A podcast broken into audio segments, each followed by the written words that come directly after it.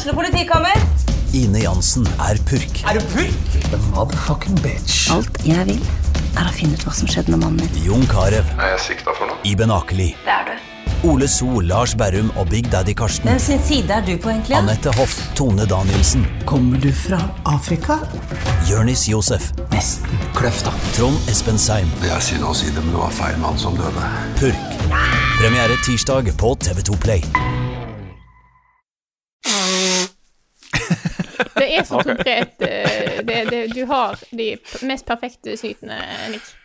Ja, ja, det er sånn tekstbook. Tekstbook-snyting. Thank you, thank you. That years of practice.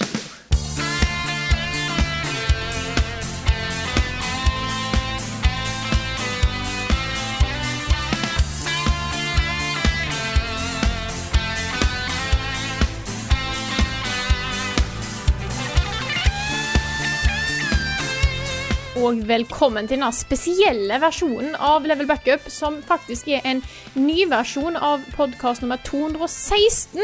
Eh, som vi nå har spilt inn litt ekstra greier til. Og nå er han da fire og en halv time lang, eh, og mye bedre enn han noen gang har vært før. Ja, vi, fikk eh, Snyder rett og slett å se på den episoden.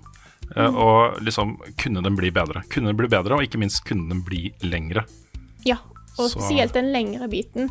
Det har jo vi på en måte prøvd litt sjøl, men vi måtte hente inn Snyder for å kunne få liksom den fulle opplevelsen, tenker jeg. Ja. Mm, ja, så hvis du reagerer på at det er mye nytt innhold her, så er det jo da fordi vi har spilt inn masse nytt innhold til da episode 216. Yes.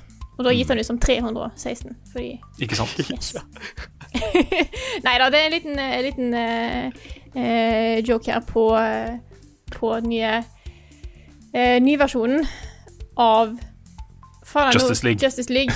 Jeg stoppa det helt i hodet mitt. Eh, Ja. Den kom ut eh, i dag, torsdag, for oss. Mm. Eh, Hadde det ikke vært morsomt hvis uh, Snyder Cut betød at det var de Snyder som lagde den? I Twisted Sister? ja, men ok, det er, det er lenge før deres tid. Ja, Twisted Sister er uh, ja, de Snyder. Hørt om, eh, hørt om eh, ikke kjennskap til. Eh, men da tror jeg vi får sette ordentlig i gang med podkasten Level Backup. Eh, I dag er det meg, Frida Danmo, og med meg har jeg Karl, eh, ikke Carl. Gud. Det var nesten. Det var så nesten Det var, det var, det var der prøvde jeg meg, nesten, men jeg visste at vi Så dette er med meg. Han er med Frida- oss i ånden, Frida. Han er med oss i ånden. Eh, så med meg har jeg ikke Karl Martin Hogsnes, men Rune Fjell Olsen og Niklas Halvorsen. Hallo. Hei. det er litt morsomt med Ja. det der Friuke og Carl, fordi um, uh, det, det ble jo en liten det var- Jeg vil ikke si det var en krise, men Nico og jeg satt jo klare til å gå live med spilluka på tirsdag. Og jeg hadde lagd et nytt sånn rigg til uh, sånn overlay da, til Twitch og sånne ting. Kjempekul. Med scrollende tekst, og det var ikke måte på, liksom. Uh, men jeg mangla jo, jo sånn token for å logge meg inn på, uh, på Level Up-kontoen på Twitch. Og sendte da melding til Carl, og da han våkna jo halv to eller noe sånt. Men han har en veldig god grunn til å sitte oppe lenge om nettene, og jeg tenker at han skal få lov til å fortelle hva den grunnen er selv neste uke. For det er en ganske heftig greier. Jeg måtte kalle han en manly man. Oi, Så såpass. mm, Å ja, ja, så klart. Han har trent Ja. mye mer ringfit, er det det som noe sånt. Ja. Jeg vet ikke, jeg, jeg, jeg har ingen anelse om hva dette er for noe, er for noe så jeg drar ting ut av uh, ræva mi. Uh, jeg kan si at i dag har jeg hatt leg day i ringfit. Ah, Det var litt tungt å gå opp trappa etterpå. Men det er for noe, for noe verdt. Det er en god ting. Jeg, må nesten bare se, bare, jeg kan lese den meldingen jeg sendte til Carl når han fortalte meg hva han hadde gjort. Ja. You magnificent manly man. Såpass, ja. Ja, ja, nei, Ja. Dette er jeg eh, spent på. Vi får vel høre mer om det neste uke når Karl er tilbake igjen. Ja, og den meldingen før det var I wish to dine and fuck fra Carl, da. I wish to dine and fuck. Så en liten teaser på neste ukes podkast, egentlig. Det høres ut, høres ut som Carl har det, at han ikke lider selv om han ikke kan være med i podkasten.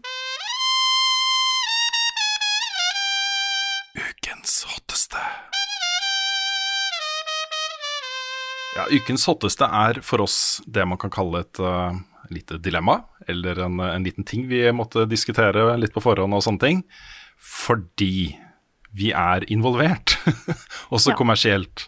Så dette er da, vi kan blande dette her som sponset innhold Vi trenger ikke å legge på den musikken Carl pleier å legge på de annonsene og sånt, men dette er liksom, ha det i bakhodet, folkens. Dette er sponset innhold.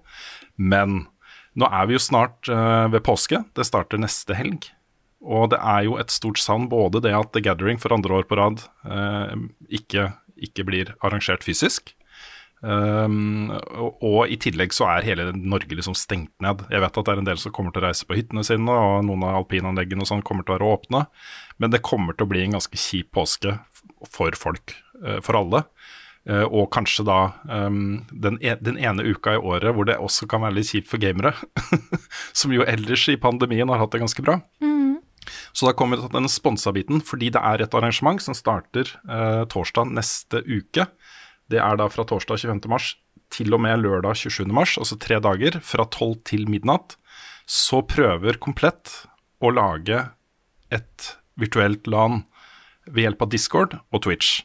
Så her vil det være da masse rom som på en måte blir litt sånn, eh, hvis du ser for deg TG, da, så er det på en måte fra klokka fire til seks så er det cosplay, eh, bla, bla, bla. ikke sant? Så de prøver å gjenskape litt den der følelsen av å være på et stort land, kanskje med sete eh, og radnummer og, og sånne ting. Da, at man melder seg på og deltar i LAN og kan bli med på masse forskjellige arrangementer. Uh, og vi skal jo også være der. Vi skal gjøre noe der. Vi har ikke helt bestemt akkurat hva det er ennå, men vi kommer til å ha events der som, uh, som er en del av det programmet. Og jeg syns jo også hvis vi ikke hadde fått betalt da, fra, av Komplett for å delta på dette her, så hadde jeg fortsatt syntes dette her vært et uh, flott tiltak, da. Mm. Fordi jeg tipper jo også De jobber jo med, med nerdelandslaget, og de jobber med mange andre i Norge, som sikkert også kommer til å være der. Og det kommer til å bli en fin sånn community-ting, da.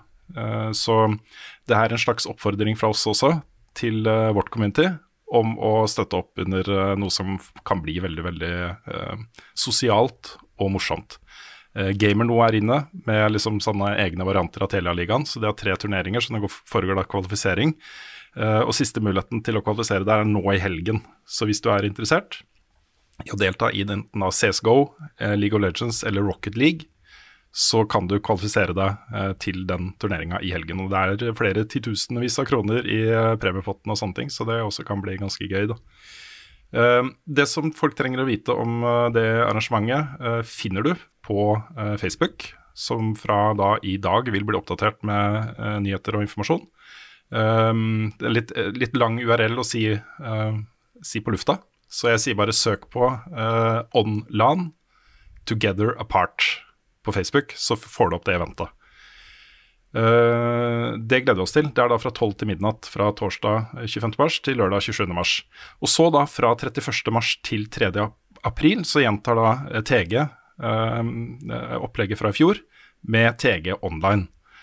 Hvor eh, det vil da gå liksom 24 timer i døgnet livestream fra uh, arrangørene av TG.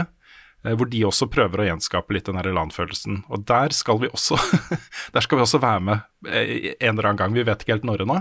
Men vi fikk et spørsmål om vi hadde lyst til å hoppe innom streamen på et eller annet tidspunkt, og det vil vi gjerne. Mm.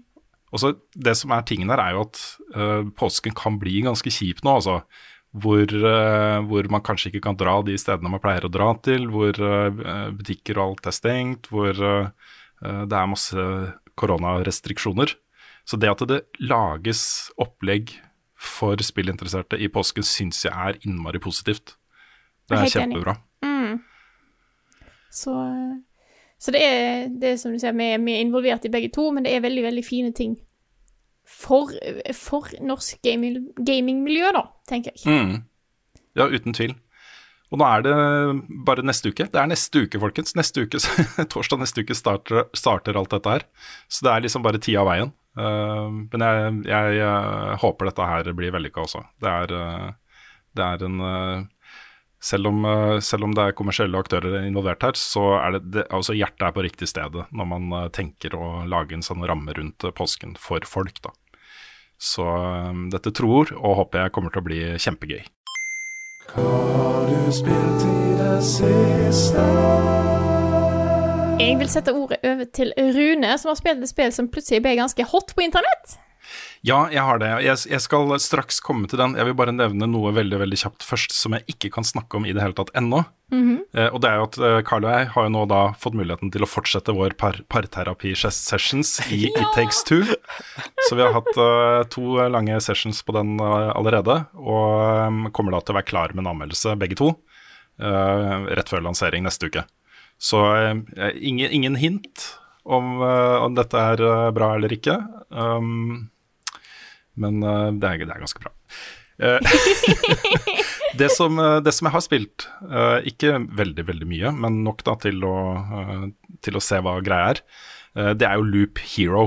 Som er et av disse spillene som bare har plutselig dukka opp og tatt over internett og blitt en sånn kjempeting. Jeg så, så de runda 500 000 solgte eksemplarer. Og det er ganske sterkt også for et lite spill som starta som et sånt kult konsept på en game jam, og som bare da etter hvert har utvikla seg til å bli uh, noe litt mer sånn uh, gloss, ikke glossy, det er feil ord, men eh, proff, da. Ja. Uh, etter hvert. Og konseptet her er jo også, vi snakker om en rogelike. Ikke rogelight, men en rogelike. hvor hvor du ikke styrer helten, men du styrer verden rundt. Eh, og det du gjør du har en, eh, Han går da på en sånn path, en loop, rundt og rundt. eh, og du plasserer ut, og så for hver fiende du tar, så får du kort som du kan plassere på kartet. Det kan være fjellkjeder, det kan være enger, det kan være gravplasser, vampyrhus, masse forskjellige greier. som da denne helten møter på sin vei. Så det du må sitte og tenke på er liksom, fordi han mister jo helse hele tiden i disse slagene han er i, du slåss ikke engang. Og så du, du velger bare våpen og armor og sånne ting. Um, og regeneration-ringer og det er, det er så mange ting du kan plassere på den helten her. Uh, men han vil miste helse hele tiden. Så din jobb er jo å sette opp ting da som uh, regenererer helse, altså enger og, uh, og sånne ting. Og lage på en måte en verden som han går i loop i, som sørger for at du kan holde ut så lenge som mulig. Og Det dette bunner ut i, er jo um, hvis du har drept nok fiender, så kommer det bosskamp. Og så går historien videre. da. Og hvis du dør, så kommer du til på en måte en sånn hub, hvor du kan begynne å bygge liksom uh, bakeri, også, eh, kokkested og eh, masse forskjellige bygninger da, med de ressursene som du får underveis. Eh, du mister jo da 70% av alle ressursene dine hver gang du dør, men du beholder da 30% så det er en progresjon her hele tiden uansett. Eh, og det overbyggende konseptet er jo at verden på en måte har, er i ferd med å gå under. Eh, folk har glemt hvordan verden var før, og din jobb er på en måte å bygge opp verden slik den var gjennom disse eh, oppdragene du gjør da, i, den loopen rundt og rundt. Og det er så besnærende, det er jo et teit ord, men det er, det er ordentlig sånn fengende, da. Den følelsen av å gå i den loopen og liksom møte de tingene du møtte forrige runde. Kanskje du har fått et nytt sverd, kanskje du har fått noen andre abilities, kanskje du har plassert ut noe som gjør liksom neste runde litt annerledes, da. Eh, og ikke minst da den derre uh, stemningen rundt hva kommer til å skje da, hvis du klarer loopen, denne loopen. Du kommer til bossen og tar bossen, og verden går videre. Uh, veldig veldig sånn fengende loop. Og ikke minst digg. da, Du kan sitte med kaffekoppen ikke sant? og mus, musa og liksom kose deg. Du kan sette på pause når du vil og drive og planlegge strategisk og sånne ting. Og så når du trykker da på space eller ja, høyre mustast eh, kan du også bruke, så går bare helten videre. og så kan du bare du kan gå og så ta ut oppvaskmaskinen hvis du vil, eller den, den går jo videre uansett, da. Um, men du vil jo hele tiden få kort uh, som må plasseres da på kartet. Det er noe med estetikken her. Det er veldig sånn 80-tallet, pixel-greier. sånn callback til hvordan ting var før.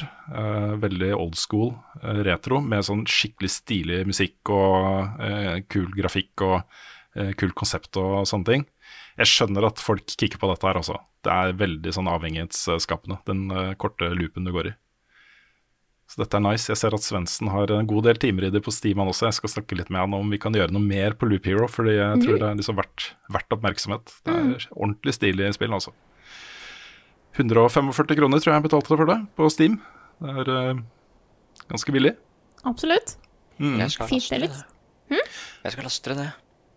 Ja, for jeg, jeg, hadde- jeg kikka på den hypen som bygde seg opp rundt Loop Hero. Og så så jeg på liksom gameplay-trailer og sånt fra det. Så så det ganske kjedelig ut. Det var sånn, eh, Hva i all verden, hva er det folk kikker på her, liksom? Ja, fordi- Hvorfor er dette gøy? Ja, for det er det jeg tenkte òg. Mm. Men det er, jeg satt meg ned med det, og dette er jo ikke min sjanger, egentlig. Også sånn turbasert uh, slåssing og uh, planlegging og strategisk og plassere bygninger og, og uh, fjellkjeder og sånne ting. Det, er, det, føles ikke som noe som er for meg, da. Men man kommer inn i det med en gang. Det er en veldig fin, kort, liten tutorial, og så er du i gang. Og det, det er liksom jeg, jeg, vet ikke helt hva jeg gjør ennå, men jeg vet nok da, til at jeg, jeg føler jeg får progresjon i verden her. Og det er skikkelig gøy å spille også. Det er skikkelig gøy å spille. Uh, masse kul dialog med de vampyrhusene du setter opp. For i denne verden her, da, så vampyrene er litt sånn landeiere. De, de, har, de, er ikke bare monstre, liksom, men de har på en måte eid mye land og vet mye om hvordan verden ser ut uh, fra før. liksom. Så du kan hente ut liksom, informasjon uh, fra disse vampyrene på hvordan ting var og sånne ting. da. Så det er, det er, det er noe der som, uh, som, er skikkelig skikkelig fengende, selv om det kanskje ikke kan se sånn ut fra starten av. Så, um, så jeg, jeg, jeg, tror det er mange som vil kose seg med det spillet her, selv om de tror de ikke kommer til å gjøre det. Så det er det ene der. Og så har jeg også uh, spilt dette er jo litt sånn nerding igjen, da, men eh, det er noe i Destiny som heter Grandmaster, uh, Nightfall. Ah, mm -hmm. Som er uh, rett og slett sånn at du Her har du uh, power-nivå på disse Grandmaster Nightfallene er 1350. Og du er cappa på 1325, så alt er liksom 25 power levels over deg. og mye vanskeligere å drepe. Og så dytter det inn det de kaller champions. da Det er sånne skikkelig vanskelig. De må tas med champion mods. Eh, du må stønne dem med champion mods, og så hvis du ikke klarer å ta det ned i løpet av så og så lang tid, da, så bare regenererer de all helse. Og Noen ganger så har de sånn tre-fire av de samtidig som bare kommer mot deg sammen med burning mads og sånne ting. Da. Så det er ordentlig, ordentlig vanskelig. Uh, men jeg satte meg ned med uh, Rookie og Comprade fra Level Up Community på tirsdag. Og vi brukte, jeg tror, sånn rett i overkant av to timer. Men vi fikk det til. Og Det er min første Grandmaster Nightfall i Destiny 2, og det føltes skikkelig, skikkelig digg. Bra lut. Skikkelig utfordrende. Planlegge godt. Må, vi måtte starte på nytt tre ganger eh, og skifte på loadout og sånn, for den er locked da, under hele, hele Nightfallet. Så det du velger av subclasses og våpen og eh, mods og sånne ting, det eh, må du velge fra starten. Du kan ikke skifte det underveis. Så vi måtte endre på det da tre ganger før vi liksom fant den kombinasjonen som gjorde at vi kom oss gjennom og fikk det til til slutt. Og det er fett, altså. Særlig på slutten her. En, vi var tom for revives, vi hadde ingen flere revives igjen. og eh, vi var da én død, som ikke kunne komme tilbake. Bossen hadde liksom noen millimeter med helse igjen. Vi sto inne i et sånn lite rom med liksom alle mobsa og shielda enemies og greier som kommer mot oss. ikke sant? Og bare de, de rusher oss, på en måte. Og så klarer da eh, Vi klarer å ta ned bossen sånn på se hengende håret. Det er vi i ferd med å bli overrumpla. Den følelsen er uh, sterk også. Det er ordentlig gøy. Så det er kult. Nå går jeg for det som kalles Grandmaster uh, title. Da må du ta alle, du må ta seks, fem eller seks Grandmaster Nightfalls og gjøre en del andre ting. Det, den skal jeg få. Hver tirsdag skal vi ta en ny Grandmaster Nightfall. Nice. Og så har jeg, eh, inspirert av sønnen min, starta på Ratchet Clank-remaken. Oh. For, fordi den var jo gratis nå på PlayStation Plus. Uh, sønnen min spurte er dette et spill for meg, og jeg bare sånn ja! det er et spill for deg. Og det er så kult, fordi hans konsoll er jo stilt opp som norsk konsoll, og som norsk språk. Og han, det er jo norske stemmer òg, ikke sant? Ja, stemmer det. Det er dubba til norsk, og han har det så gøy, altså. Det er så morsomt, og han forteller meg hele tiden om ting han har gjort og sånt, så jeg ble å, jeg vil ha den Ratchet Clank-følelsen tilbake, jeg også. Så jeg satte meg der og begynte på det. Nei, jeg spiller på engelsk, men jeg kommer til å teste det litt på norsk også, bare for å se, se hvordan det er. Det er mulig at det blir eh, klassikeren min også, til eh, vi jobber jo nå med en sesong med klassikere. Jeg mm -hmm. tror kanskje det er et naturlig valg. Nå kommer jo Rift Apart i juni og greier.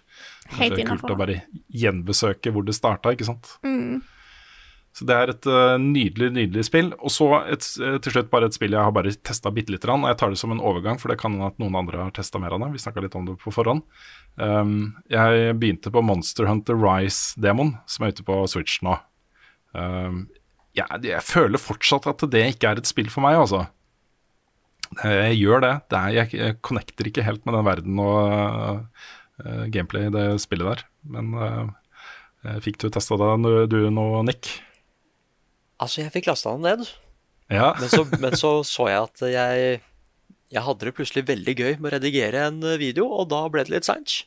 Ja. Og jeg glemte klokka, så jeg fikk ikke testa det før podkasten.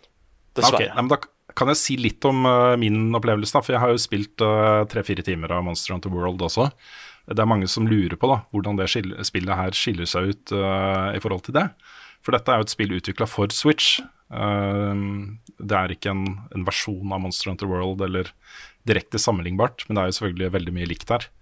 Eh, det, det, det, er, det er noe med progresjonen i spillet som minner meg litt om de gamle Capcom-spillene. Eh, hvordan dialogen kommer opp, og hva slags item management du har, og, og sånne ting. Og en, jeg syns det er en sånn hyggelig greie, da. At ikke det er sånn supermoderne Breath of the Wild, eh, veldig sånn uh, strømlinjeforma, uh, hvor menyene er bedre integrert da, i hele spilleopplevelsen. Uh, men du skal jo ut og jakte på monstre. Dette er jo Carl sitt spill, da. Ja, ja, ja. Carl eh, har sikkert runda demoen. Du har, jeg tror du har 50 minutter på det, på demoen. Okay. Uh, og um, når de 50 minuttene er over, så får du ikke spilt den mer, da. Um, så du må liksom velge sidequestene du skal gjøre med omhu. eh, delt inn på nybegynner og middels og høy vanskelighetsgrad. Eh, det er da forskjellige monstre som du kan gå ut og ta. Så um, blir også mye wipa, da. Fra du starter på en måte på nytt eh, hver runde.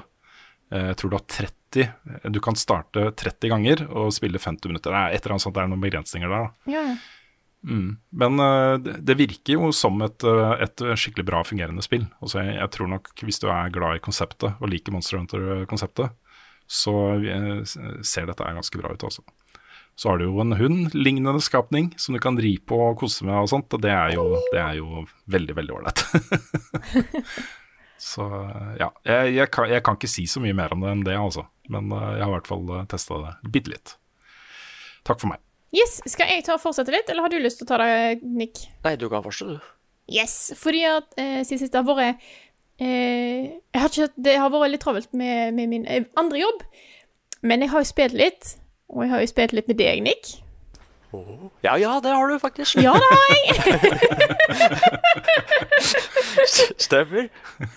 For nå har jo jeg hoppa inn hos de våte vikinger. Ja, det er sant. Og Vi hadde en fin liten session. Var det på fredag? Ja Ja. Det var på fredag, kan jeg fortelle det, fordi jeg håpet, håpet jo at jeg skulle få eh, mulighet til å være med. Eh, Men jeg har en sånn situasjon hjemme hvor jeg kan ikke okkupere stua hver kveld, da, for kona sitter og har et par TV-serier hun følger med på og sånne ting. Og eh, den kvelden hadde hun lyst til å gjøre det, så da sa jeg det var greit. Men jeg satt jo og gjorde andre ting, liksom. Hadde Discord oppe og så liksom ja, fire stykken i uh, den chatgruppa på discorden vår og bare sitte og kose seg med Valheim, ikke sant. Men vi skal få dratt deg med. Ja, jeg må spille Valheim, jeg også.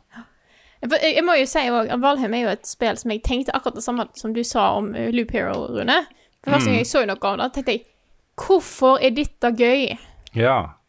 Uh, men jeg har jo skjønt nå etter hvert at det er veldig Det spillet gir veldig, veldig mange spennende ting. Og eh, Og det var veldig gøy å spille med, med dere, Nick. Det var helt eh, knall. Vi var jo på utkikk etter kobber. Så feffa rundt i en, i en skog. Ja, det er kobberark. Yes, definitivt. Og da møtte vi på noe, Nick. Jeg vet ikke Ja, om vi skal, Ja, ja fordi snakke om det. Uh, det jeg hadde det så gøy med å redigere, det var jo Valheim-episoden. Og det var det! Ja, uh, Ja. og den uh, Det ble to flotte episoder. Nice. Og den ene er sannsynligvis ute med den podkasten her. Jeg blir ferdig i dag, liksom. Uh, Ja. Så den er, den er klar til i morgen, eller på fredag. Men vi kommer ikke til tingen i denne episoden. Nei. Det kan jeg si. Så, så vi må nok holde det litt hemmelig, men ja, vi møtte på noe Vi trodde det skulle Jeg tror alle som spiller Valheim, vet akkurat hva dere har møtt på i skogen. Ja. Ja, vi, Til og med jeg har fått med hva du møter i skogen. hva? Men det ble stort. Det ble jeg eh, episk, eh, kan jeg nesten si. Ja, det var jo mange rollefigurer og foregikk over ganske lang tid over et ganske stort geografisk område, så Ja, men etter det som skjedde her, så, så ble det det, altså. Ja, absolutt. Nei, men vi har jo så rundt i litt, eh, i litt dungeons, og Jeg har jo fått møtt på, eh, på, på hus. Ja, du har møtt på Haus. Ja, stemmer det. Så nå, er, nå føler jeg meg innlemma i De våte vikinger, så jeg gleder meg til om vi kan eh, spille mer, altså. Ja, du har jo din egen seng i Haus nå, liksom, så det er, det er official. Ja, det er det. Jeg så en ting om Valheim som gjorde meg på en måte enda mer interessert i å spille det. Og det hadde jeg ikke helt fått med meg, fordi eh, det jeg hadde sett av det spillet fra før, eh, var veldig sånn adventure-basert. At man var liksom en party ute og, og samla ressurser og slåss mot ting og, og sånne ting. Men eh, jeg har fått med at du kan jo spille dette her solo, og bare gå rundt og samle ressurser og sånt, og bygge, bygge, bygge, bygge, bygge, bygge. Jeg har sett så mange kule konstruksjoner og bier og bygninger og sånt som folk har lagd. Ja, fy fader. Så en av de jeg følger litt på Twitch og Twitter og sånt, eh, fra Destiny eh, Community, Glad, han tvitra i går at eh, han har spilt Valheim 250 timer solo. Og det han har gjort, er bare å bygge. Altså han, har bare, han har bygd en svær by, ikke sant. Med, han viser han litt bilder og sånt. Og det er jo, det er jo skikkelig imponerende greier, liksom. Ja, ja. Jeg har jo eh, jeg, eh, Etter vi hadde spilt eh, eh, på fredag, Nick, så var jeg òg en liten tur innom eh, serveren til, til Petter. Han òg har spilt en god del solo, da. Eh, kommet ganske mye lenger enn det vi har gjort. Men han har bygd ganske svære greier, og det er, det er ganske mange kule ting du unlocker etter hvert, med portaler og alt mulig rart. Så eh, da fikk jeg liksom et innblikk i da hva Valheim kan, eller blir etter hvert, og det var litt stilig da òg, egentlig. Yeah. Ja, For den biten av det er veldig sånn Minecraft for meg. Og jeg, Det var sånn jeg spilte Minecraft eh, i mange, mange mange timer. Bare sånn Å, her var det pent. Her vil jeg bo. Ikke sant? Og så bare jobbe masse med å bygge opp, uh, bygge opp uh, kornåker og uh, kule bygninger og mm. sånne ting, liksom. Det er kjempe, kjempeartig. Ja. Åh, nei, det Jeg, jeg, jeg er fascinert over hva folk får til. Det er jo, jeg er jo heller ikke flink Altså, jeg får ikke til å bygge fine hus i Minecraft heller. Så jeg er alltid fascinert over hva folk måtte, kan få til med de begrensa ressursene en har i sånne typer spill. Folk er kreative, altså. Herregud. Men eh, da var vel egentlig Nei, jeg har jo spilt litt, eh, fortsatt litt på Olia. Jeg har ikke kommet så veldig mye lenger enn sist, eh, men jeg nå, sendte nå over litt eh, footage til det, deg, Rune, som kanskje går Nice. i bakgrunnen, som er hovedsakelig fra min eh, Fra da jeg spilte på en måte for, eh, før forrige podkast, da. Men det er jo eh, Jeg gleder meg til å fortsette på det. Eh, og så prøver jeg å finne ut Jeg prøver å samle litt hva jeg har lyst til å spille nå i påsken. Eh, så jeg driver liksom kikker litt rundt omkring. Jeg tror jeg har funnet meg et par små indiespill jeg har lyst til å teste ut litt. Oh. Så da skal jeg endelig ha tid til liksom bare forsvinne ned i spillverden igjen. Åh, Det kommer et spill neste uke. eh, Apropos eh, det med at jeg er så flink til å tipse om ting som er eh, for deg, eh, Frida. Ja. Jeg skal, eh, nå skal jeg, Hvis eh, Nick kan fortsette litt, så skal jeg finne navnet på det spillet. Herlig. Jeg Vær så god. Nick. Ja, for jeg, da, da kan jeg praise Valheim litt, jeg òg, da. Ja. Eh, Det som var så gøy, var at eh, det å gå til Nyd Biome Fordi spoiler, det er jo det den første episoden handler om. Vi skal besøke Nyd Biome. Vi, det var helt annerledes. Altså liksom, Jeg trodde bare at trærne skulle være litt høyere, og vi kunne finne nye materialer og sånn, men det var liksom enemy types, dungeon, som du sa. Det var liksom Jeg trodde også vi var ganske godt forberedt på å dra dit. Det viste seg at det, det var vi ikke. Men, men darn it, vi hadde det gøy for det, altså. Eh, ja, og igjen, det, det, ble så mange flotte episoder av det. Så jeg gleder meg til de Det er sånne ting som det, det, bare, det bare er gøy å klippe det, liksom. Åh, ja, men det er bra. Åh, ja, altså bare, så, så håper jeg at eh, både de som var med, og alle som ser på, at de, de liker episodene. For igjen, det var veldig, veldig gøy. Eh, Absolutt. men så har jeg begynt å hoppe Jeg har hoppa litt inn i Civilization igjen, for det dukka opp en ny update. Eh, fordi hvor mye av Civilization har dere spilt? Nei, ingenting. Ja, veldig lite. Fire timer ish. Ja, ok, for det har kommet en artig feature. Eh, Fordi det er jo barbarians i Civilization. Sånne computerstyrte. Drittfolk. Ja, det er dr- drittfolk som driver og ødelegger byen din og ødelegger ressurser, og du må liksom ta Hvis de sender scouts, så må du ta dem ut før de kan liksom snakke til basen sin og si at det er en by der som de kan tulle med, ikke sant. Da kommer jo en update nå som gjør at eh, de blir eh, De blir mye sterkere. De kan, de kan nå faktisk ta ut hele byen din og sånn. Det kunne de ikke før. De kunne bare tulle med den. Nå kan de faktisk ta den helt ut. Shit. Uh, og det er bare flere av dem, og de er mye mer aggressive. Og det er fordi at det, der dukker opp et system hvor du kan prate med dem. Og hvis du da har nok penger, så kan du be dem om å angripe andre byer. Nei! Ja, Så det har blitt det sånn derre eh, Enten så kan du bruke penger til å si hei, du, må dere angripe oss? Nei, nei, vi må ikke det. Du betaler oss, så holder vi oss unna, liksom. Eh, eller så kan du bare gi dem eh, dobbelt av det, og bare Kan dere ikke angripe han der isteden? Og da sender de inn en sånn hær til å bare tulle med han, da. Han eller hun.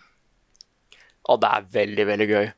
Mest fordi at nå er det faktisk en sånn derre Hvis du har mye penger på starten, så er ikke barbarer et problem, ikke sant? Nei, så det, er- det er bare en skikkelig morsom feature. Og, og igjen, jeg, jeg, jeg har så lyst til å liksom ha med hele levelup-gjengen på et game der. Hvor det er om å gjøre å nuke hverandre først, eller et eller annet sånt, så kan vi kan ha det litt gøy. Ja, jeg blir jo med. Jeg er jo eh, jeg er ikke sånn supergira på eh, Siv, men eh, jeg blir jo med. Ja, ja for jeg håper at yeah. I, I, can, I can make you gira på Siv. Ja Jeg er ikke så glad i sånn langsomt eh, gameplay, jeg vet du. Hvor, hvor eh, på en måte action skjer først etter at du har gjort en hel haug med trekk og planlagt og, og sånt. Nei, for jeg var ikke det først heller. eh, Men den der med at ja, alle starter likt. Du bygger opp en by, så sprer du riket ditt, og så får du den der at Ok, eh, hvis jeg er flink nå til å bare planlegge bitte litt på dette teknologitreet mitt og sånn, så kan jeg gjøre noe stilig, stilig skitt om en time, eller et eller annet. Mm. At uh, det er uh, litt mye å sette seg inn på starten. Men det er, så- det er en sånn mestringsfølelse i det, når du liksom faktisk klarer å planlegge gjennom hele spillet. Det er et eh, begrep for det i psykologien, vet du. Forsinket tilfredsstillelse. Åh, ja. Mm, delayed satisfaction. eller gratification, eller hva det heter på engelsk. ja, men etter det da så er bare alt tilfredsstillende. Alt er gøy, og bare Ja. bygge byer og være Gandhi, ikke sant, og bare nuke de andre folka. Mm. Det er good times. Hadde ikke kommet zombier til Siv også? Ja, det er zombier der nå òg. Eh, Nice. Det er jo historisk korrekt, så klart, så det er somber der. Selvfølgelig. Selvfølgelig. Eh, Etter at vampyrene dukka opp, så var det bare naturlig at zombiene dukka opp òg. Ja. Nei, de har um, De gjør så mye med det nå. Vanligvis så kom det sånne svære bolker med expansion packs, men det tok jo sånn to år hver gang, ikke sant? Men denne, denne season pass-greia som de har gjort nå, med bare sånne små updates av og til, men store nok til at det er nye sivilisasjoner og nye moduser og sånn, jeg har fått veldig sansen for den, altså. Mm. Veldig greit. Det skjer noe nytt hver eh, andre uke, liksom. Denne er jo kjempebra. Ukens anbefaling. Før jeg setter i gang med anbefalingen min, så har eh, Rune kommet på spillet han snakka om i stad. Ja, jeg kom på det i pausen. Og det spillet heter Genesis Noir og er et indie uh, sort-hvitt. Pek og klikk adventure, mordmysteriet, med veldig sånn derre uh, stilige animasjoner. Og det, det ser liksom litt sånn eksperimentelt og abstrakt ut, da. Um, som ser uh, veldig lovende ut. Så det var det spillet jeg hadde tenkt å anbefale å ta en kikk på. Jeg vet ikke om det, det er liksom ikke helt i gate med Olija og de andre tingene jeg har, jeg har anbefalt deg, men uh, det, er, det ser ut som en sånn stilig indiespill som det kan være verdt å bare se på. Det liker jeg. Jeg setter det på lista. Eh, og, så, bra. og så ser vi når jeg snakker om det, i hva podkast det blir. Høres bra ut. Yes. Men da er det tid for min anbefaling. Og jeg skal anbefale noe jeg, jeg tror jeg har anbefalt det litt før. Men det er en ny sesong, og jeg føler det er verdt det. Fordi at akkurat nå så er ting litt kjipt. Eh, generelt. Trenger ikke å forklare hvorfor engang, tror jeg. Og da er det godt med litt ting som er koselig og feel good og gøy. Og det er nemlig kommet en ny sesong av RuPaul's Drag Race. Jeg skulle til å tulle med det, og det, var, det er faktisk sant, altså. Ja. Det er det, da. Så, eh, så den er pågående nå. Den er ikke kommet på Netflix ennå, men eh, de som på en måte lager RuPaul's Drag Race, har sin egen nettside, eh, som en kan eh, kan få tilgang til i Norge. Eh, så det er jo en egen abonnementstjeneste, men de har free trial-greier, vet dere, så er knall. Dette er da eh, Wow Presents Pluss. Det er ikke Wow, det er World of Wonder. Eh, men der finnes det nå både nye sesongen av RuPaul's Drag Race sesong 13, som er pågående. Der er det kommet ut noen få episoder. Eh, Storkos meg. Der har jeg allerede fått favoritter. Jeg har planlagt å se finalen med annen venninne som ser på dette her. Lage noe ut av det. Eh, sist, sist eh, eliminasjon var kontroversiell. Jeg er sterkt i Så, så, det, så dette er på en måte eh, Så dette nå, nå jeg, har jeg funnet noe å være brennende engasjert i. Ja, det er bra. Yes. Og det er jo òg pågående RuPaul's Drag Race UK, Storbritannia-folk-versjon. Eh, sesong to. Den er pågående. Den tror jeg har finalen nå på lørdag, men jeg har nettopp begynt å se den sjøl. Så sterkt anbefalende. Både hvis du eh, har sett litt av det før, se den nye sesongen, han er knall. Hvis ikke du har sett det, så er det veldig veldig mye som er på Netflix. Da vil jeg anbefale, og spesielt hvis du ikke har lyst til å betale eller starte trial på den sida her, se sesong tolv, som ligger på Netflix. Em, dette er jo, det er jo en slags Det er jo en konkurranse i å være den beste drag queenen, og det, tok litt tid før jeg skjønte at dette kunne være noe interessant å se på. Eh, men det er rett og slett det handler om utrolig dyktige kunstnere som skal gjøre alt fra standup og musikal framfor, eh, framføring eh, og lage fantastiske kostymer av rare ting. Og de er jo så mye dyktigere på sminke enn det jeg noen gang kom til å bli i mitt liv. Eh, så det er helt fascinerende å se på. Så ta en kikk. Jeg trodde ikke det kom til å være noe for meg, og jeg er fullstendig, fullstendig bergsatt. Er litt sånn uh, TV-verdens Loop Hero. Ja. Nei, så jeg, så jeg, jeg, jeg vil liksom anbefale, fordi at det kan være de andre, som meg, som ikke tror det er noe, fordi at en har ikke noe Jeg har aldri hatt et forhold til liksom drag queen eh, da. Jeg har ikke helt skjønt måte, hva det er, men eh, jeg har stor respekt for, eh, for de som holder på med det. Eh, og det er skikkelig feel good, og så er det litt drama innimellom, og det er selvfølgelig gøy. Jeg kan jo nevne også at jeg følger jo masse kule mennesker, og man kan jo definere kule mennesker på mange forskjellige måter, men kule mennesker definert av meg, da, det jeg syns er kule mennesker. Det er mange av de også som er fullstendig hekta på, på dette her. Selv Jeg ser det er flere av de også som sier at eh, UK-versjonen er den beste. UK-versjonen er kjempehyggelig. Eh, den er kjempe, kjempebra. Så eh, det tror jeg Jeg er usikker på om sesong 1 der ligger på Netflix eller ei, men han er i hvert fall tilgjengelig på Wow Presents Pluss. Så, eh, så det er min anbefaling for å lysne opp eh, en ellers litt sånn trist eh, Trist tilværelse akkurat nå, da. Her kommer Neder med Rune Fjell-Olsen, og han har ikke hår. dette er jo en eh, nyhetssak som vi både snakket om i eh, forrige ukes podkast og i spilluka denne uken. Eh, Men saken er pågående eh, med ny informasjon. Og Det det er snakk om er selvfølgelig at eh, EU og USA har godkjent eh, Microsoft-oppkjøpet av Zenimax, som eh, inneholder masse forskjellige selskaper, men det største av dem er selvfølgelig Bethesda. Nå har da Phil Spencer vært ute i opptil flere intervjuer og sagt følgende Fremtidige Bethesda-spill vil være eksklusive til plattformer som har GamePass.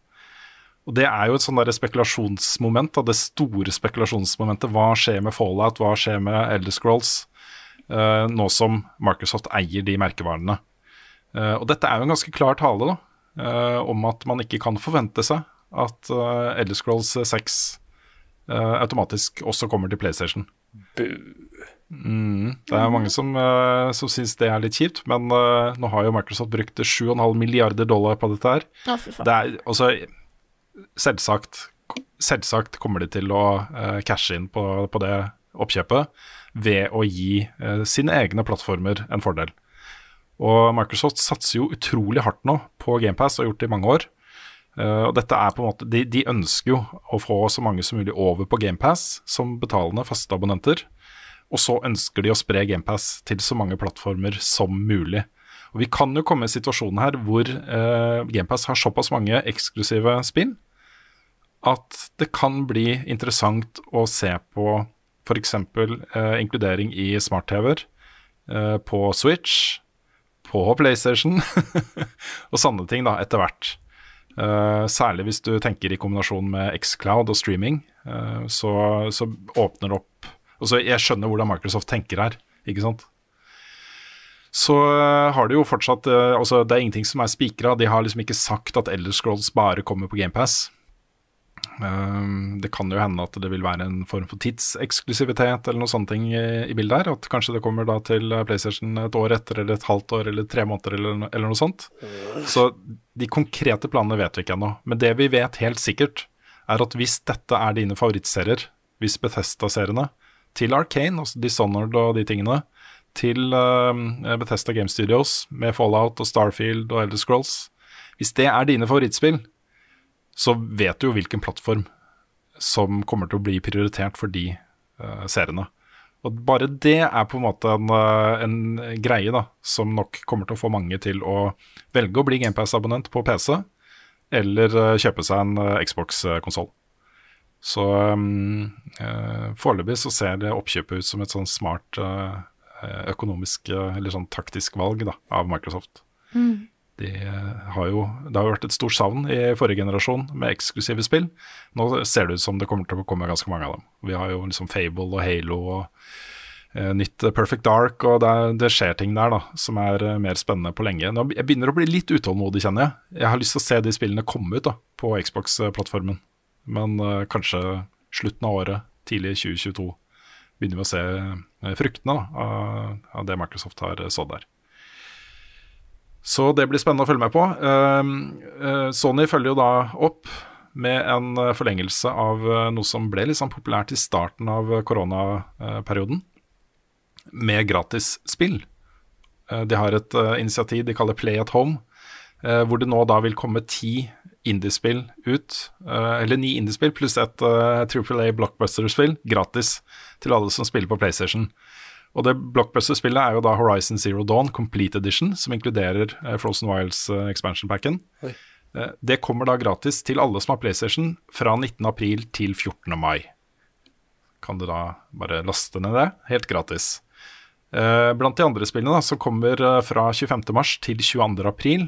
finner du storheter som The Witness, Subnautica, Res Infinite, uh, Abzu uh, og Enter the Gungeon. Pluss litt VR-spill. Astrobot Rescue Mission er jo inkludert der, og litt sånne ting. Moss var det òg, tror jeg. Moss er også inkludert. Det er jo uh, en, en hyggelig ting å bare gjøre disse spillene her tilgjengelige. Også, hvis ikke du har spilt The Witness f.eks., og er glad i puzzle-spill, er jo makeløst. Fantastisk eh, spill. da. Så, så god, et godt tilbud, rett og slett. Litt sånn delvis relatert. EA Play, som jo er abonnementstjenesten til, til eh, EA, eh, en greie hvor du får tilgang til et ganske stort bibliotek av spill, er nå også inkludert på GamePass på PC. Det jo, ble jo inkludert på eh, Xbox rett før eh, jul. Nå er det også på PC. Og der er det jo massevis, alt fra Jedi Fallen Order til eh, Nei, Jedi, ja, Jedi, Fallen Order. Star Wars. Uh, og Star Wars Squadrons ble også inkludert nå, da, som en del av denne nyheten. Så også en god, god tjeneste. En av de spillskaperne som jeg syns mest synd på, er eh, Jade Raymond. Som jo uh, ble løfta fram som en viktig profil i forbindelse med Assassin's Creed uh, i Ubisoft for mange mange år siden. Jeg husker veldig godt eh, det øyeblikket hvor hun var på scenen første gang og liksom var en av frontfigurene for eh, den serien. Eh, fikk til og med muligheten til å intervjue henne på Ubisoft-standen det året. Etter det så ble hun en litt sånn superstjerne i, i spillbransjen. Også en, en autoritet. Hun ble headhunta til EA, og de hadde jo da et uh, prosjekt som, som hun var uh, sjef for, som ble skrinlagt. Eh, og da ble en headhunta til Google Stadia for å lede spillsatsingen deres, altså utviklingssatsingen, som ble skrinlagt. Mm, nå har hun da starta et eh, helt nytt studio som kalles Haven. Og den norske oversettelsen er jo fristed. Eh, I pressemeldingen, så, eller i PlayStation-bloggposten, så skriver hun uh, bl.a. at eh, eh, målet med det selskapet er å skape et fristed både for hennes favorittutviklere, som han blir kjent med da, gjennom de siste årene, Uh, skape et, et, en behagelig arbeidsplass, fri for crunch og alle disse tingene, men også å fokusere på spillopplevelser som oppleves som et fristed for spillerne. Også en sosial samleplass, et sted hvor man kan oppleve liksom fantastiske ting sammen med venner, uh, og den type ting. Eh, dette er backa av Sony, så det er jo da et uh, vil jo bunne ut i et uh, foreløpig ikke annonsert eksklusivt PlayStation-spill. Så får håpe det går bra, da. Ja. Det er litt, det er litt synd, liksom. Jeg har lyst til å se hva hun eh, kan få til, altså. Ja. Um, hvis eh, ting f eh, faktisk blir noe av, og kommer ut og blir ferdig. Det er spennende. Gir ikke opp, altså. Veldig spennende. Denne uken Det blir mye GamePass og sånt eh, her nå, altså. Eh, Men eh, det, det, det er bevegelse der. Denne uken kommer da Undertale til Xbox for første gang. Ledsaget av en herlig trailer. ja, fy fader. Den var bare helt nydelig. Det var kjempebra. Toby Fox. Ja, det er kjempemorsomt. Det er kjempemorsomt. Um, den er også da inkludert på GamePass nå. Du kan gå på GamePass. Har du GamePass, så kan du gå og spille Undertale. Uh, og Det samme gjelder da Outriders, som lanseres 1.4. Det vil også da komme på GamePass fra dag én. Og Her er det jo litt kontroverser, fordi det spillet har vært ute i sånne uh, forhåndskjøppakker. Hvor uh, man også kunne forhåndskjøpe det til Xbox. Uh, og så blir det da plutselig gratis tilgjengelig på GamePass. Men vi, får, vi får se. Jeg tar med en sånn bitte liten nyhet bare for å illustrere hvor bananas Fortnite har blitt i det siste. Det Ja. er, uh, jeg har jo en uh, i huset her som er uh, veldig glad i Fortnite. Uh, og godt å glede seg til ny sesong. Det kommer da en ny sesong på tirsdag. Det er kapittel to, sesong seks. Eh, og blant de nye, En av de store tingene i Fortnite er jo hva kan du møte av eh, bosser og eh, karakterskins og karakterer på mappet eh, i denne sesongen. Her er, gjøres det jo bare masse dealer med alt mulig rart. Fra Star Wars til eh, Marvel og whatever. To av de nye figurene i denne sesongen er da Lara Croft og Neymar junior, fotballspilleren. Nei, jeg syns det er festlig også. Ja, ja. Det er sånn der lekegrind for bare ville ideer. Det er uh, ordentlig artig. Ja, ja, herregud. Hva er dines best, hvordan fredag sist har Carl egentlig sopp? Ukens spørsmål. Og da setter vi i gang spørsmål- og svarspalten med spørsmål fra Slongva på Discord.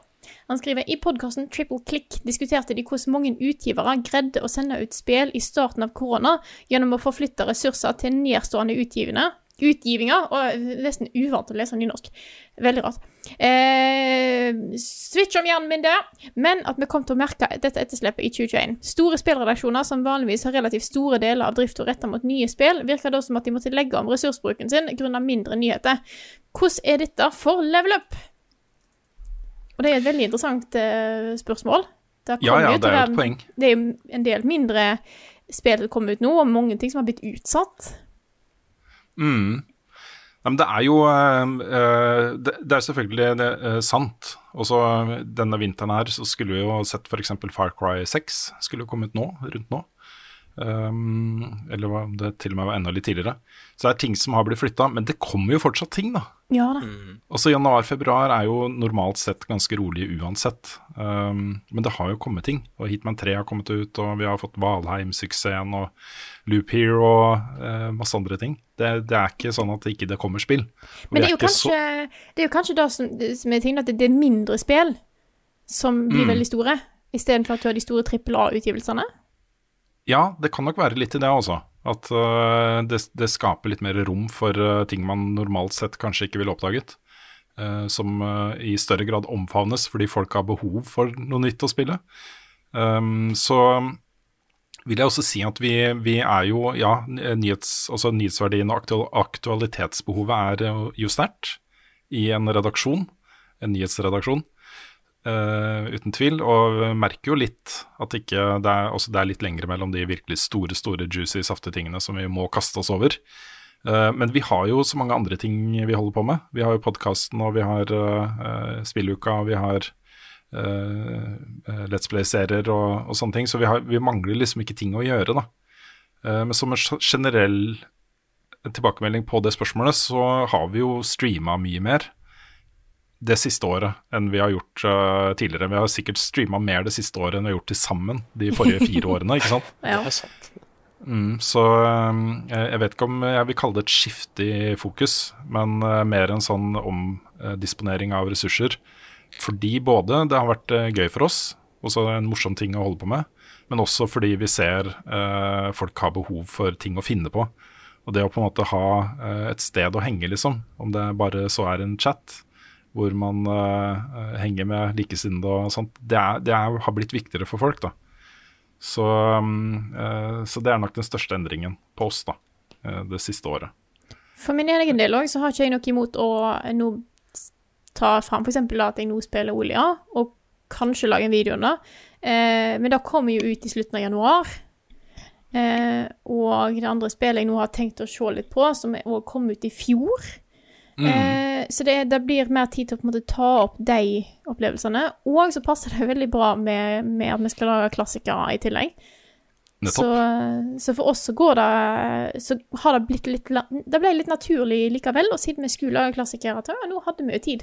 Da slipper vi å nedprioritere spill som vi kanskje var redd at vi måtte gjøre. Mm. Ja, nei, vi, vi får se. Eh, ting kommer jo til å normalisere seg mer etter hvert. vi har jo et eh, uttalt mål om å anmelde flere spill. Vi skal hente inn flere anmeldere, vi skal prioritere det enda litt høyere. Um, eh, det, det kan jo hende at, eh, at eh, den perioden vi er i nå, kommer til å altså, Ting kommer til å se litt annerledes ut allerede til høsten. da. Men sånn inntil videre så, så Vi har nok å gjøre, liksom. Det, det er ikke manko på ting å gjøre. Um, jeg har et, et relatert spørsmål til akkurat det, som kanskje vi kan ta etterpå. Men um, uh, vi jeg, jeg vet ikke. Jeg, jeg føler ikke at uh, det har vært et stort pro problem for oss. Vi har allerede litt fokus på at ikke ting må ha kommet ut denne uka eller forrige uke for at vi skal kunne snakke om det. Ja. Og, sant? og det har vi hatt gjennom alle de årene vi holdt på. Så um, uh, ja. Litt sånn ullent svar kanskje på et konkret spørsmål, men ja, det er litt synsing, men det er vanskelig. Vi har ikke liksom eh, satt der en strategisk slagplan for eh, for alt vi skal gjøre konstant, så Nei, det er, mange, det er mange som har spurt oss om hvorfor har vi ikke webside. Hvorfor lager vi ikke en side som ligner, da?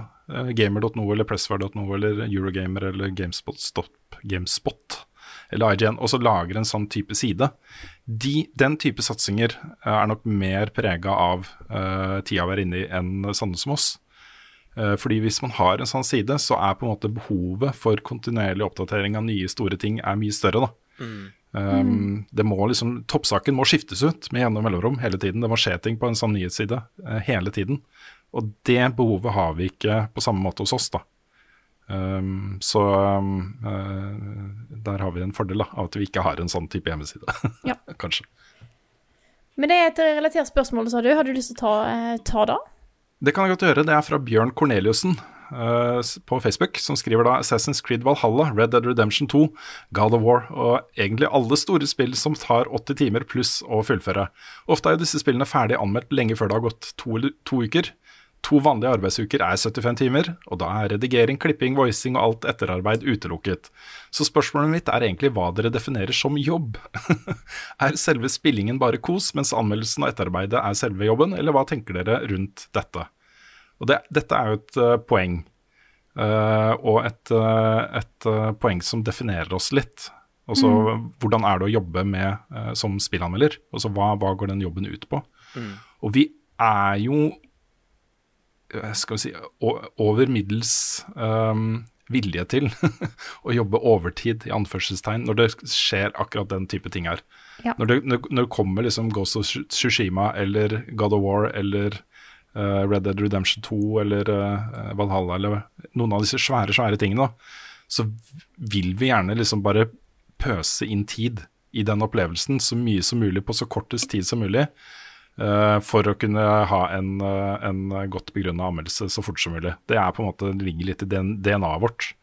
Eh, det er ikke sånn at vi setter oss ned med Valhalla og så sier nei, nå har det gått åtte timer, inkludert en halvtimes lunsjpause. Så da får vi fortsette i morgen. det, vi tenker jo ikke sånn. Nei. I hvert fall så gjør ikke jeg det. Um, men det vi kanskje har blitt flinkere til de siste par årene, er jo etter sånne perioder, så sier vi, vet du hva Em, Nå har jeg jobba så mye de siste tre ukene. Det har gått døgnet rundt, liksom. Jeg begynner å bli litt sånn rar i hodet av det. Nå tar jeg meg en rolig uke. Så vi har blitt flinkere til det, for det er viktig også. Det, Ja. det blir veldig intenst i perioder.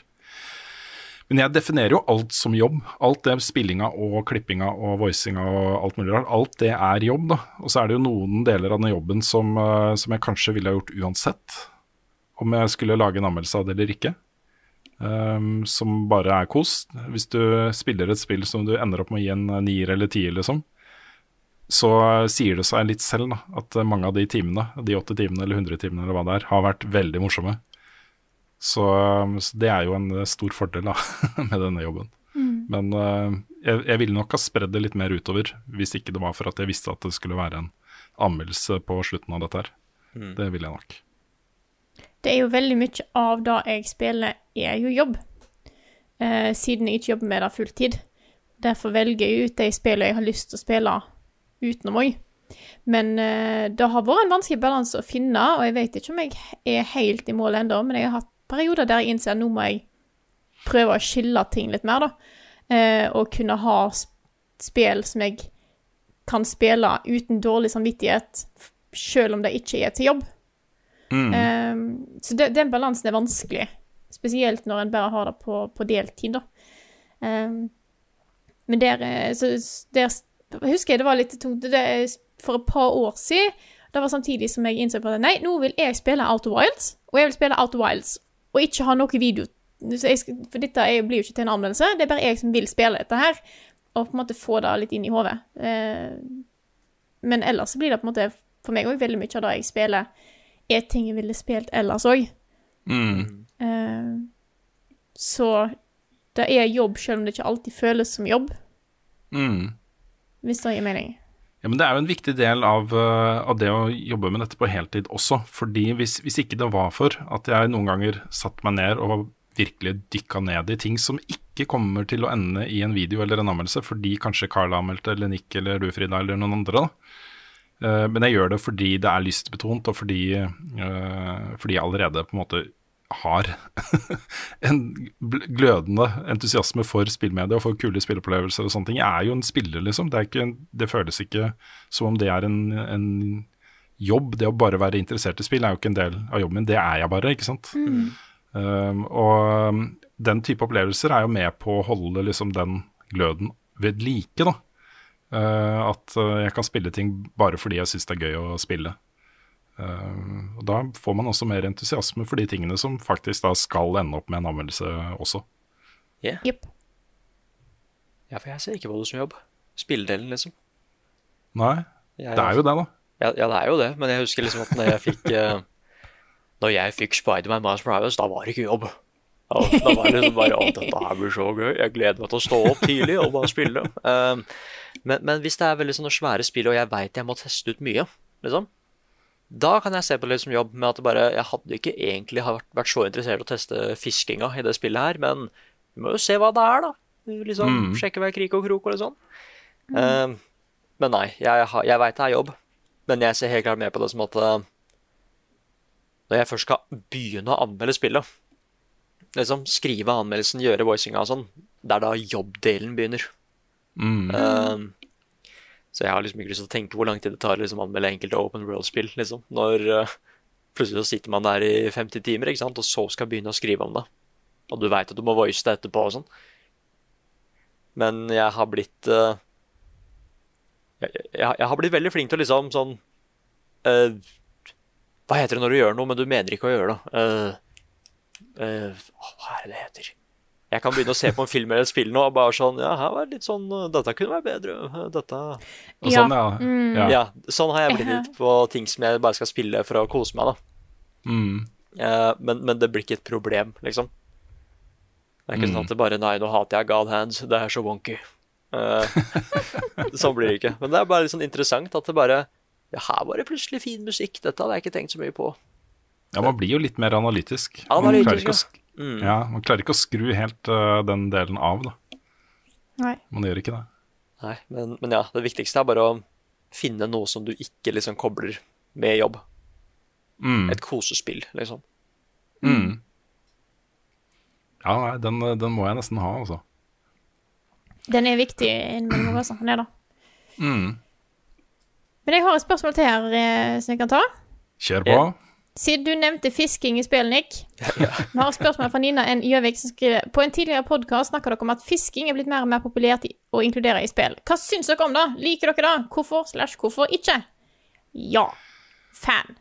Stor fan av fisking. Syns det er gøy. Ja, jeg også. Jeg ble jo tatt med mye på fisking som barn. Jeg, jeg fikk jo ikke noe fisk. Oh. nei, men, Det var kjempekjedelig. men fisking, Så- det, det er gøy, altså. Ja, det er, det er litt den derre samlegreia. Særlig hvis du har liksom eh, Ok, du trenger den og den fisken til den og den oppskriften, eller eh, hvis du samler alle, så får du sånn og sånn. Da blir det litt sånn der, Da syns jeg det er spennende å fiske, for det, hva er det som biter på kroken denne gangen, tro? Ikke sant? Ikke sant? Det er, er det et element der som er litt gøy, da. Og så det å finne ut ok, i denne typen vann er det denne typen fisk, og i denne typen vann er det denne typen fisk, og så må man reise litt rundt og være litt sånn taktisk på det. Jeg syns det er gøy, altså. Det er koselig. Og så syns jeg det er veldig, veldig vellykka i eh, Animal Crossing. Fordi ikke bare eh, har du liksom mange forskjellige fisketyper. Uh, noen av de er også veldig sånn kule. De kommer opp, og du må holde dem med begge hender, og de er, tar hele skjermen, liksom. Det er et sånt stort øyeblikk, da. Men så kan du ta det med til museet, og så lage et svært akvarie. Og når du har fylt ut det, liksom, så kan du gå rundt i det akvariet og se på alle de kule fiskene du har fanga i et miljø som er ordentlig stilig, da. Eh, det er mest vellykka fiskedelen i et spill ever, syns jeg, da. Det er, For det var jo helt klart Animal Crossing-originalen som gjorde meg hekta på fisking i spill. mm, Eh, for bare da at det var eh, ulike fisker som kom på ulike tidspunkt på dagen, og ulike sesonger. Og plutselig fikk du, etter å ha spilt i veldig mange timer, så fikk du plutselig en ny fisk du aldri var borti før. Så det var liksom alltid noe spennende rundt det. Og i tillegg så kan du bruke da fisking som en måte å tjene penger på i spillet i tillegg. Så det blir liksom eh, det, Der er fisking så ekstremt djupt. Ja, ja. Eh, og godt integrert, da. Eh, så jeg tror etter da så har jeg alltid vært fan av fisking i spill, altså. ja. Jeg, jeg er veldig glad i det hvis det er en belønning for at det har satt inn til å gjøre det. Mm, Uh, Red Dead Redemption, hvor du bare får høre om disse legendariske superfiskene, ikke sant. Så bare vi må ta dem ut, hvis ikke så ødelegger de eh, De ødelegger miljøet der, altså. De er for voldsomme. uh, men ja, egentlig bare det at uh, hvis du liksom kan bruke det til å selge, selge det videre, tjene penger, eller få stats-bonuser eller noe sånt i Fire Emblem, hvor det er sånne permanente bonuser, da er det kjempemoro. mm. Altså i Red Dead Redemption 2 er jo et godt eksempel også, fordi der ble fisking mer på en måte enn en eh, Et av elementene som gjorde at jeg levde meg inn i den verden. Ja. Det å bare stoppe opp et sted og ta ut fiskestanga og stå der og chille, liksom, i et vakkert miljø. Um, det, det er jo andre måter å tjene penger på i det spillet som er mer lukrative enn å selge fisk. Så der har du jo på en måte de challenge-systemet hvor du bygger opp uh, stats da, ved å gjøre forskjellige elementer. Um, som, som gjorde det på en måte den gameplay-belønningsdelen var det var det som var viktigst med å fiske for meg. Ta ut de legendariske fiskene og uh, samle liksom alle slagene og disse tingene. Men det var også et litt sånn zen-moment i det spillet som ble ganske viktig for meg. Det var ålreit å bare stå der på et vakkert sted og fiske. Ah, Ja, fordi, og ikke noe ironisk nå, en fiskeduell. Ja. Ja, Eh, Både i spill og faktisk på ekte, liksom. Ved at det bare å begynne å få fisk først. Og jeg har sett folk liksom gjøre det i Minecraft òg, hvor de lager sånne bare De går til havet, kan de fiske i en time og bare prate om hva de vil. Så er det over å få flest og har med et poengsystem på hva slags fisk du får. ja. Gjerne. Det er en fantastisk duell, da. Yeah. Det er en kjempegod duell. Jeg, eh, Med på den lett. jeg er jo glad i å fiske ellers òg. Hallo, jeg er vokst opp langs kysten. Eh, fisking er the shit. Det er så mange timer jeg har brukt av livet mitt på fisking. Stor, Mm. stor fan. Shit, så du er pro. Hva- Nei, Hva er din favoritt-fiskerett, eh, Frida? jeg eh, Altså, det er veldig mye Veldig mye god fisk. og Det er altså en godt pannestekt torskefilet er knall. Men jeg er stor fan av makrell. Eh, fersk oh, ja, makrell, stekt i panna med litt salt og pepper, og bare ha det liksom på Mm. Eh, det, jeg vet, det, det er alltid snakk om eh, hjemme hos oss og, og liksom langs kysten. Sommeren fisker masse, får masse makrell. Og folk blir lei av makrell, for det er veldig sterk smak. Blir aldri lei. Jeg kan spise makrell hver dag. Og, så det er på en måte min favoritting med sommeren. Vi er på hytta, vi fisker masse. Får litt stekt fisk, enten eh, lyr, stor fan av lyr. Eh, og makrell, Steker det, har det til kvelds. Åh, da er jeg fornøyd. Men hvilken fisk er det? Fordi det ligner litt på en fisk som jeg, jeg kjenner til som heter makrell. Ja. Det Men er det en dialektting? For jeg har aldri hørt noen si makrell. Ja, du er en dialektting. Ok, greit. Ja. Åh, verst at nå ble jeg bare Å, shit, det er to forskjellige. Okay. Nei, det er en dialektting. Makrell er, er, er Det er Ja. Ok. Yes. Ja, nei, det var eh, bare litt artig. Yes. Så eh, ellers Sushi er min, da. Sushi. Jeg skal lage sushi i morgen. Åh, oh, nice. Ja, eh, kona har blitt så flink til å lage det. Vi har fått inn den risen, da, som har alltid vært eh, den store tingen som har eh, på en måte gjort sushiopplevelsen, hjemmesushiopplevelsen litt dårligere enn det man får på restaurant. Ja, får den riktige riseddiken og sånt, og sånt, da blir det, det blir bra. Oh, send litt tips min vei, tror jeg. Den risen føler jeg ikke jeg har helt perfeksjonert ennå. Ja, nei, det er, det er noen teknikker der som eh, er, eh, løfter hele greia. Kjempe.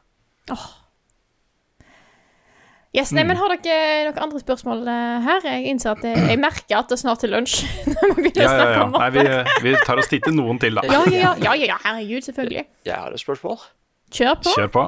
Det er fra Vegard eh, Vegard Andersen Andreassen fra Patreon, som spør hva er drømmekonseptet for dere å lage? En serie, spalte eller video? Hvis det var uavhengig av kostnader? Hvis vi hadde liksom unlimited funds? Hva hadde vi lagd da? Oh, Det er, eh, jeg har en, jeg. du har Ja. det, ja? Uh, det her er drømmekonseptet mitt. Det er um, Konseptet er å ta alle de største spillskaperne i Japan. Og da snakker vi liksom uh, Shigeru Miyamoto og Hideo Kojima og Miyazaki og de. Og så ehm, eh, De tar med meg på deres favorittbar. Deres favorittbar. Og så er det en sånn kombinasjon da, at vi er liksom litt i studio og sånne ting, men også intervjuet gjøres da på favorittbaren deres med favorittdrinkene deres. Oh. En veldig sånn der uformell eh, setting. Fordi um, For det første så hadde det vært uh, eh, og så bare Tenk deg å få liksom alle de store spillskaperne i Japan på løpende bånd, da, uke etter uke, liksom. En ny episode, en ny spillskaper, Uh, og komme litt under huden på de. Men også det, um, jeg har inntrykk av at veldig mange japanere er veldig knytta til på en måte én favorittbar, og det er mye minner der, og det er mye, mange grunner da, til at akkurat dette er deres favorittbar. Uh, og fra det så kan det komme mange gode historier da, på hvorfor, hvorfor er det akkurat dette her din favorittbar. Og så har de kanskje hatt liksom eh, Det var der de skrev ned ideen til, eh, til Dark Souls for første gang på en serviett. Ikke sant? Samme ting, da. Ja, ja. Det er mitt drømmekonsept. det er et kjempekonsept. Mm, ja, men det koster jo sjukt mye penger, og det å få lov til å intervjue alle disse eh, personene, er jo, det krever litt, da. Så hvis det sitter noen og hører på med sjukt mye penger og kontakter i norske ambassaden og sånne ting, liksom, så uh, hit me up. Åh, nei, jeg kunne tenkt meg å eh, Dette krever jo òg en del penger. Ha et eh, Ta en av de beste eh, symfoniorkestrene i verden, og bare liksom få de til å sette opp og det er en gigantisk konsert med mine favorittspillsoundtrack. Oh. Wow. Curated by me. Ja, det er kult, da. My concert. Hva er den viktigste låta som skulle vært med der, Frida? Og den viktigste Ja, for deg personlig. Hva må, hvilken ene låt må være med på den konserten? Ja. Og det var vanskelig. Dette må jeg tenke litt på. Men det er jo din Dette dream. tror Ja, ja, ja, ja men det, det, jeg kom jo på konseptet nå. Det er jo ikke gjennomtenkt mer enn da. Å ja, ok, greit. Ja, ja. Eh, da skjønner jeg. Ja.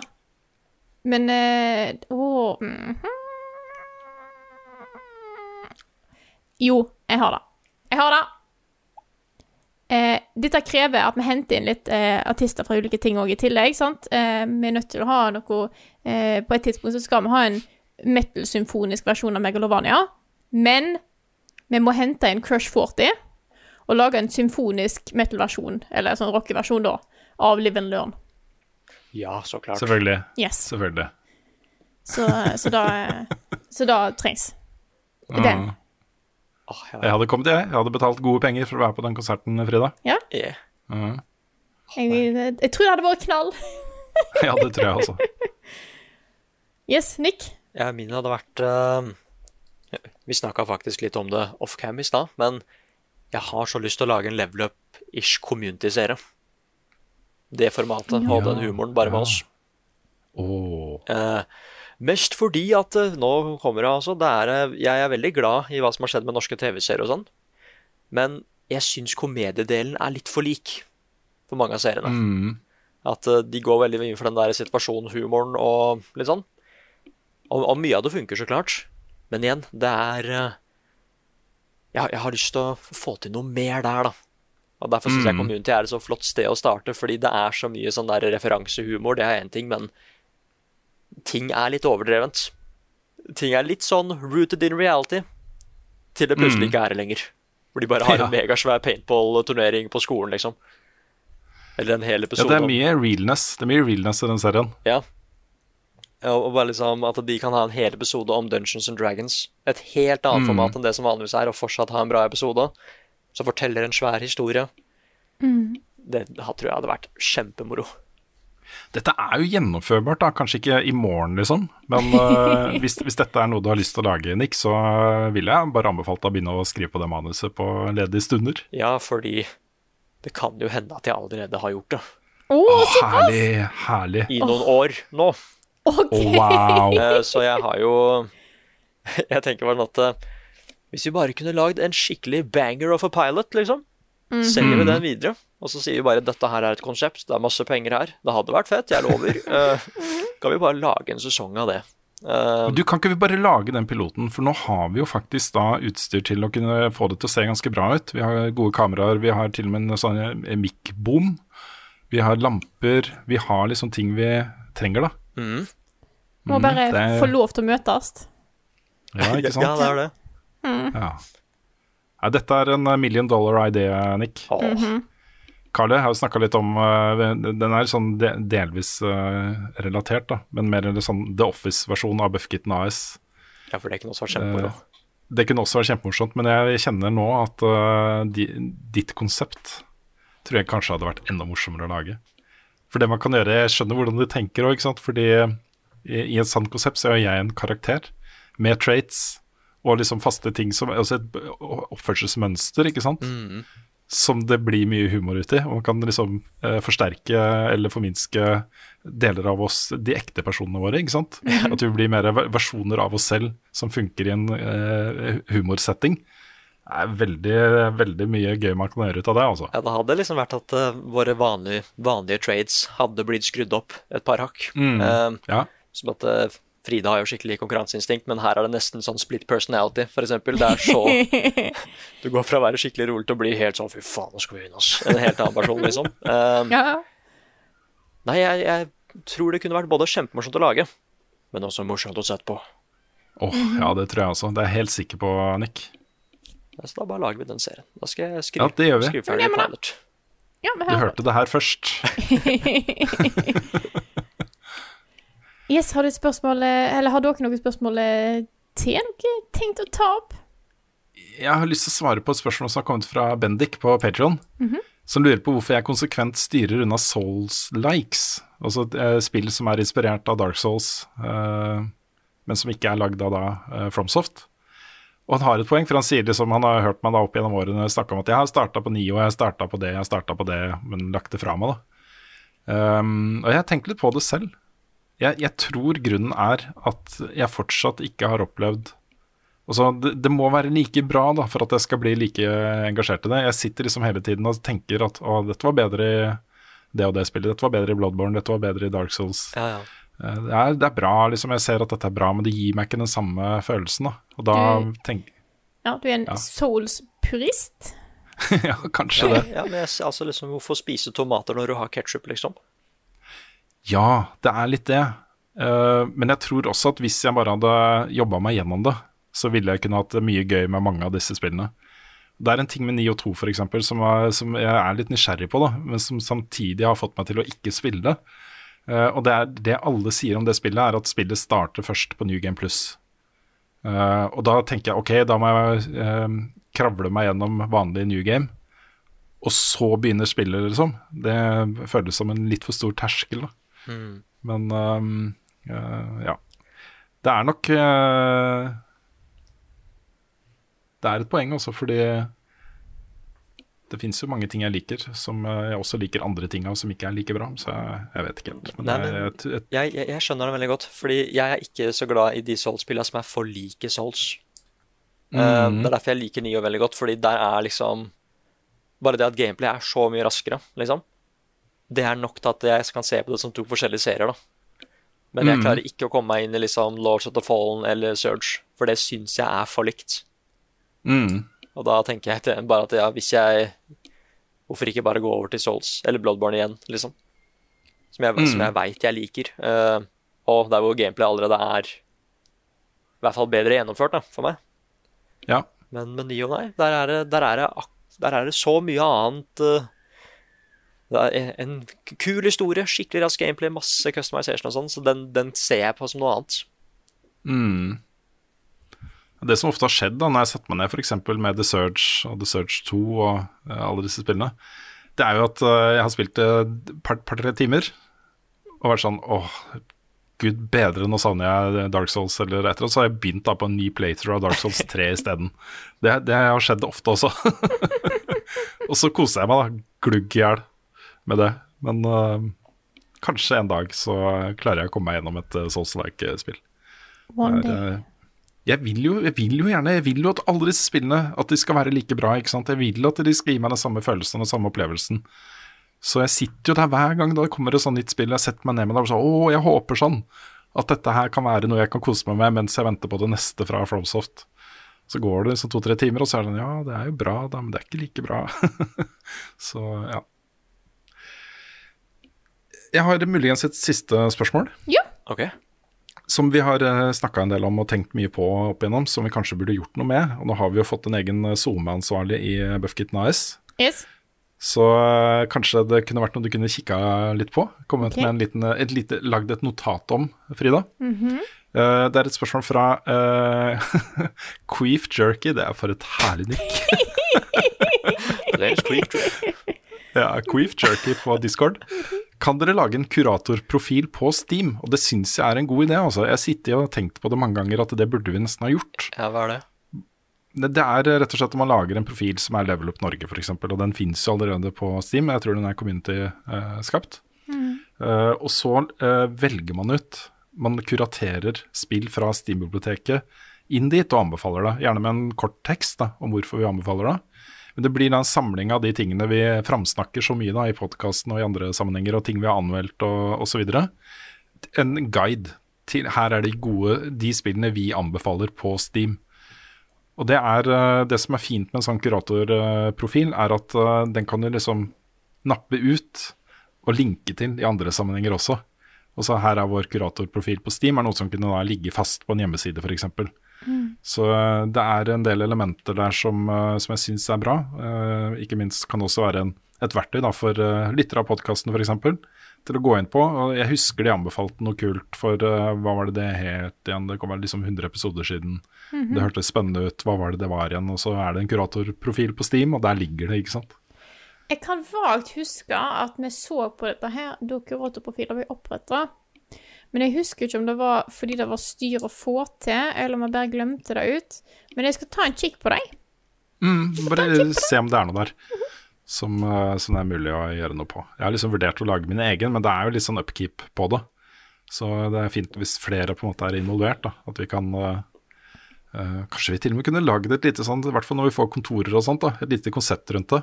At liksom En gang i uka for eksempel, så setter vi oss ned i ti minutter og velger ut ett nytt spill som skal inn på vår kuratorprofil på Steam. Mm, og så kan vi snakke litt om hvorfor og sånne ting.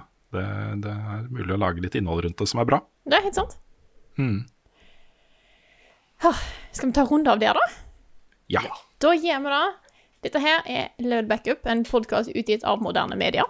Låten i introen og outroen er skrevet av Ole Sønnik Larsen og arrangert og framført av Kyoshu Orkestra. Vignettene er lagd av fantastiske Martin Herfjord. Du finner mye mer innhold fra oss på youtube.com slash levelupnord og twitch.tv slash levelupnord. Jeg håper forresten på å kanskje få streama litt, eh, kanskje i helga, så følg litt med. Om det dukker opp et eller annet der. Jeg har, eh, Nice. jeg har lyst til å få begynt på Rayman 3. Ah, kult. Eh, ikke fastsatt, bare følg med. Kanskje dukker det opp et eller annet. Eh, vi har en Discord. Discord.ge slash levelupnorge. Og en merch-shop. Shop.spreadshirt.no slash levelupnorge.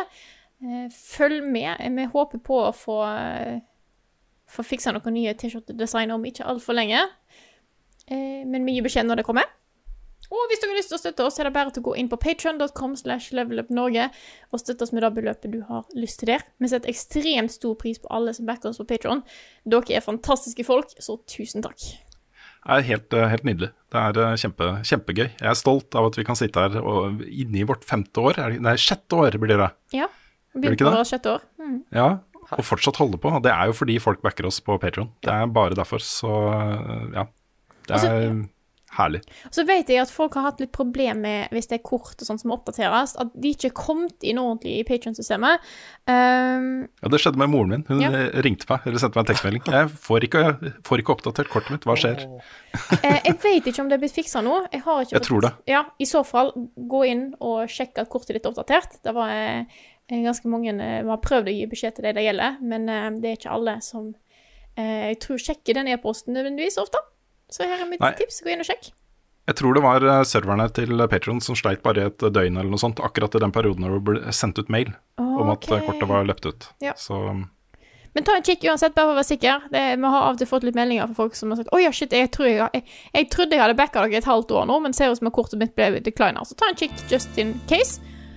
Ehm, ja, da var vel egentlig det. Da sier jeg tu- tusen takk kan jeg bare et ekstra, ekstra liten uh, takk, takk Ja. helt på slutten? Jeg vil takke Queef Jerky igjen, jeg, bare for uh, det brukernavnet. Det er uh, ja, det kommer jeg til å gå og tenke på gjennom dagen. Ja, men det er bra. Da sier jeg tusen takk for oss, og takk til alle som har hørt på. Og så snakkes vi igjen neste uke.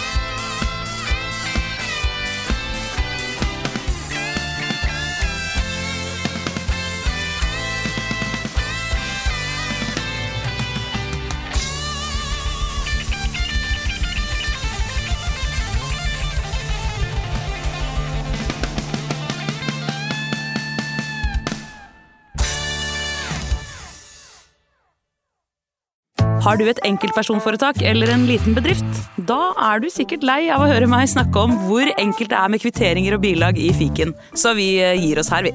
Fordi vi liker enkelt. Fiken superenkelt regnskap.